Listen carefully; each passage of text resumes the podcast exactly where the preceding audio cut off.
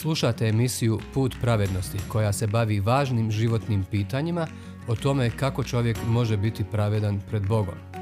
Ako imate bilo kakvih pitanja ili komentara vezano za današnju emisiju, na kraju ćete imati informacije kako nas kontaktirati.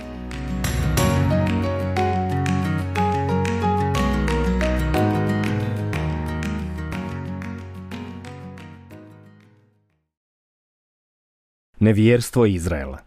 Brojevi 13. i 14. glava. Nastavljamo naše proučavanje Tore. Naučili smo više stvari o ovom dijelu svete knjige. Ona je prvi dio proročkih spisa i sadrži pet knjiga.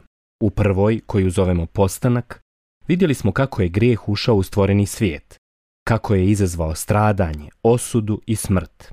Ali vidjeli smo i naom koji je Bog osmislio da bi sve Adamove potomke izbavio od ove opake stvarnosti, od plate za grijeh i vječne vatre pakla.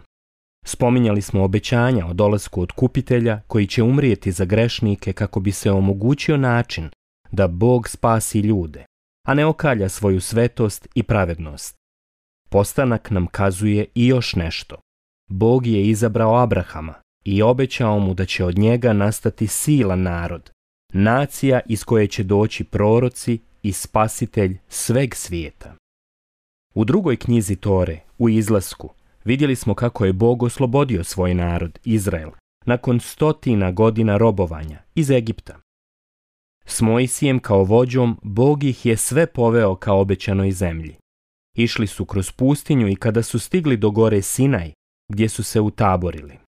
Tamo im je dao svoje zakone i poučio ih o nečemu važnom, o potrebi krvne žrtve koja privremeno pokriva ljudske grijehe. U prethodnoj emisiji smo vidjeli kako Bog zapovijeda Mojsiju i Izraelcima da podignu posebno osmišljen šator sastanka, gdje će ga narod sretati, a on će u njemu prebivati među njima. Kada su uradili sve kako im je naloženo, Bog se spustio u oblaku slave i ispunio šator. Izlazak 40. glava 34. stih. Time je pokazao Izraelcima šta želi od njih. Blisko zajedništvo po jasno propisanim uslovima. Nikomu ne može prići bez žrtve, bez nevine prolivene krvi na oltaru šatora. Tu je trebalo da kroz epohu uče o spasitelju koji će doći. Zato je svaka žrtva njegova sjenka, njegova slika, njega koji dolazi s neba da prebiva na zemlji i prolije svetu krv, svoju krv koja istinski odnosi grijeh. U trećem dijelu Tore, u knjizi koju zovemo Levitski zakonik, Bog nadahnjuje Mojsija da mnogim pojedinostima zakona objasni Izraelcima kako da mu se prinose žrtve okajnice, žrtve koje pokrivaju grijehe, kako da mu žrtvuju zahvalnice u čast i slavu. Knjiga je zaista duboka i šteta je što nemamo vremena da ulazimo u više njenih pojedinosti. Ali ako je budete čitali i proučavali, uočit ćete posebno dvije riječi. One se ponavljaju oko 200 puta. Te riječi zapravo prožimaju poruku čitave knjige. Prva je svet, a druga je krv. Zašto su one tako značajne u ovom svetom tekstu? Zato što je najvažnija poruka koju neko može dokučiti o Bogu baš ta. Svet je. Levitski zakonik, 11. glava, 45. stih. A druga je, krv je ona koja otkupljuje i daje život. Levitski zakonik, 17. glava, 11. stih. Vrijednost treće knjige Tore je u tome što uči Izraelce koliko je svaki čovjek ponaosob pokvaren, grešan koliko uprljan grijehom i nemoćan da kao takav priđe svetom i čistom Bogu. A on je to jasno poručio i objasnio. Nikomu ne može prići mimo prolivene krvi, to jest žrtve okajnice. Svaka kap takvih žrtava je simbol svetog otkupitelja, koji će doći na svijet da umre umjesto grešnika. Ali hajde da bacimo letimičan pogled na četvrtu knjigu Tore, na brojeve – iz nje saznajemo da su Izraelci pod Nosinaja bili utaboreni godinu dana. Tu ih je Bog učio kosu i kakav svet narod bi trebalo da postanu. Tu je nadahnuo Mojsija da napiše veći dio Tore koju danas imamo i baš sada čitamo i proučavamo. Ali Bog nije namjeravao da njegov narod dovijeka ostane u pustinji. Zato je jednog dana rekao Mojsiju da je vrijeme za pakovanje i za pokret na nastavak putovanja do obećane zemlje, do Kanana. I tog dana kada su krenuli sa Sinaja, krenuo je ispred njih i oblak slave Božije, baš onaj koji je pokrivao šator sastanka. Išao je pred njima i pokazivao put. Tako je Bog učinio svoje svjesnim sebe, da je tu, da je sa njima i vodi ih. Noću ih je osvjetljavao i grijao vatreni stup također božanski znak.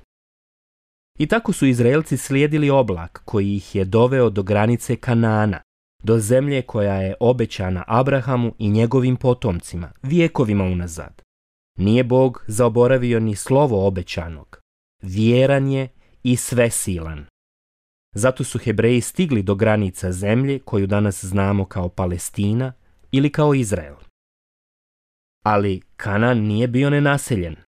Šta više, tamo su bili brojni i moćni starosjedioci. Kako će se onda Izraelci uopšte naseliti? Postojao je samo jedan put. Bog će im dati zemlju. A njemu ništa nije preteško. Obećao je to Abrahamu. Postanak, 12. glava, 7. stih. Elem, Bog je odlučio desetkovati Kanance i njihovu zemlju pred Abrahamovim potomcima. Ovdje je odmah važno da naučimo nešto. Već su tada grijesi svih tih naroda Kanana bili neopisivo užasni. Grcali su u užasnom nemoralu, žrtvovali su rođenu djecu svojim lažnim bogovima. Bog ih je strpljivo trpio i čekao da se pokaju, ali su oni istrajali u svom sramotnom načinu življenja. Zato se čaša strpljenja prepunila i odluka je pala. Njihova zemlja će pripasti Izraelu i njegovim plemenima. Ali hajdemo pročitati nešto iz knjige brojeva, iz tog četvrtog odjeljka Tore, baš iz vremena kada su Izraelci stigli na granicu Kanana. Čitamo iz 13. poglavlja. Jahve reče Mojsiju, pošalji ljude, po jednoga čovjeka iz pojedinog pradjedovskog plemena, da izvide kanansku zemlju koju dajem Izraelcima.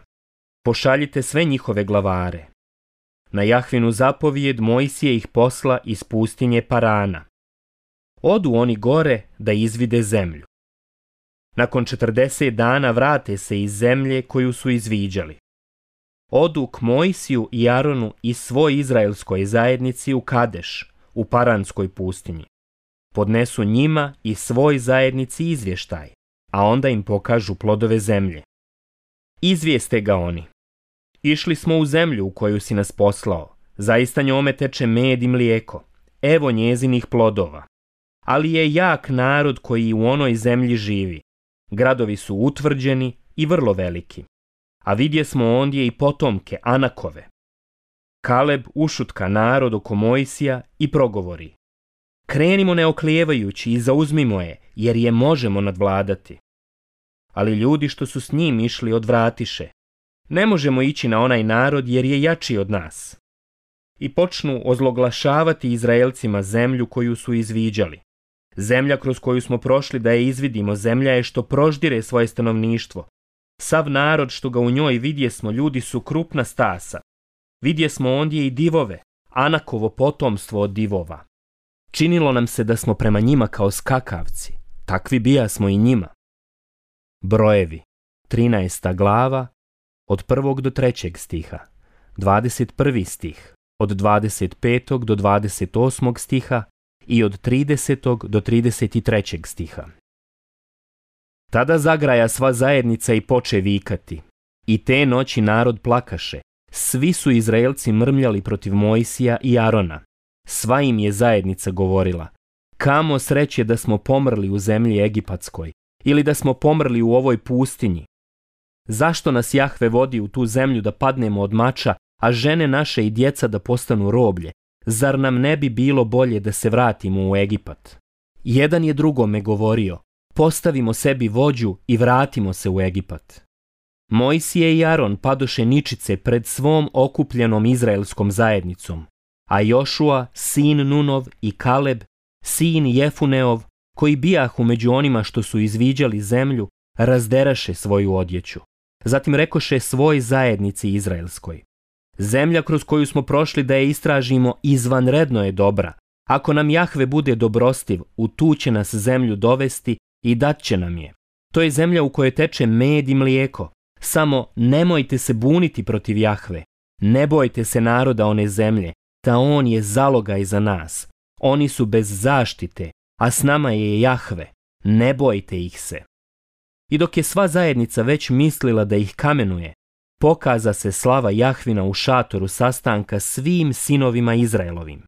Tada reče Mojsiju, dokle će me taj narod prezirati, dokle mi neće vjerovati unatoč svim znamenjima što sam ih među njima izvodio. Brojevi, 14. glava, od 1. do 11. stiha. Hajde da zastanemo ovdje. Čujete li kako Izraelci opet ruže Boga nevjerom i ni podaštavaju ga.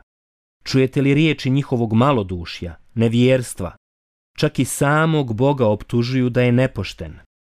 Da, tog su dana grdno zgriješili nevjerujući u Božje obećanje za Kanan.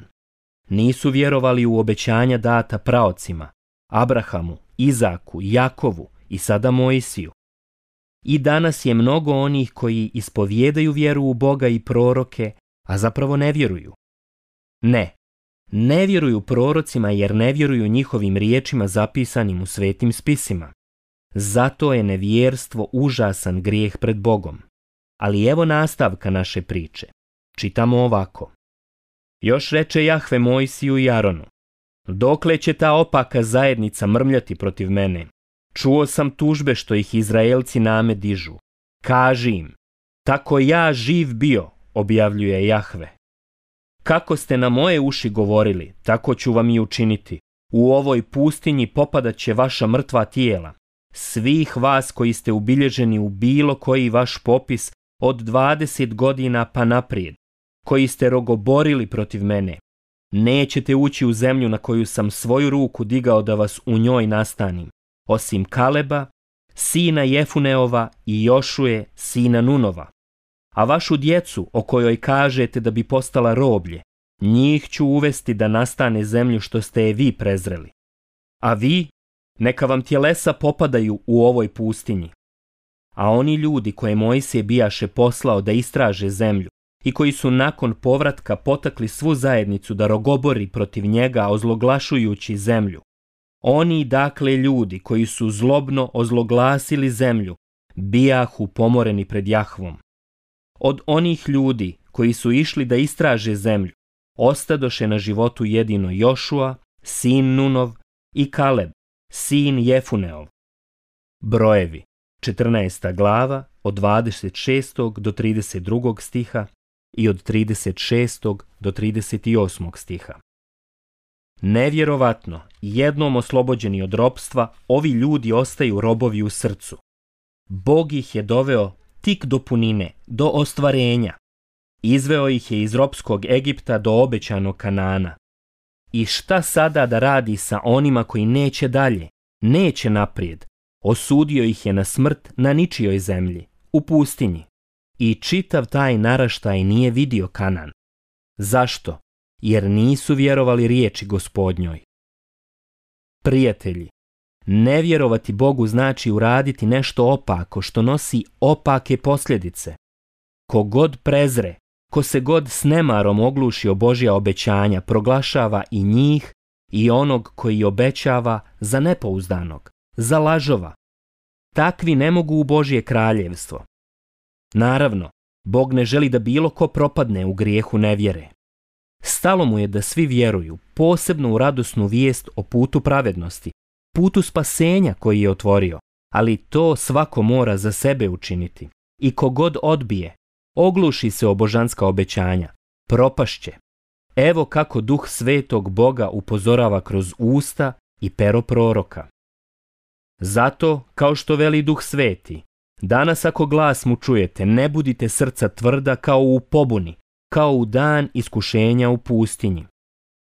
Pazite, braćo, da ne bi u koga od vas srce bilo opako, nevjerno, odmetnulo se od Boga živoga. Hebrejima poslanica, treća glava, sedmi, osmi i dvanaesti stih. Psalam 95. od 7. do 11. stiha. Naredni put, inšalah, govorit ćemo kako su propali u pustinji svi koji su odbili vjerovati obećanjima Božim.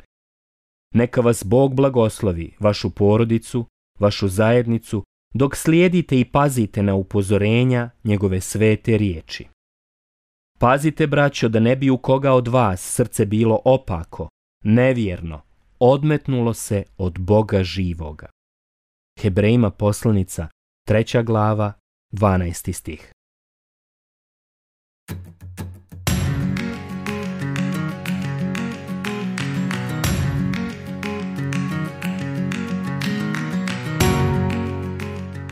Hvala vam što ste slušali današnju emisiju. Kontaktirajte nas putem našeg e-maila putpravednosti.bih.gmail.com ili putem naše Facebook stranice Put pravednosti. Do sljedećeg slušanja.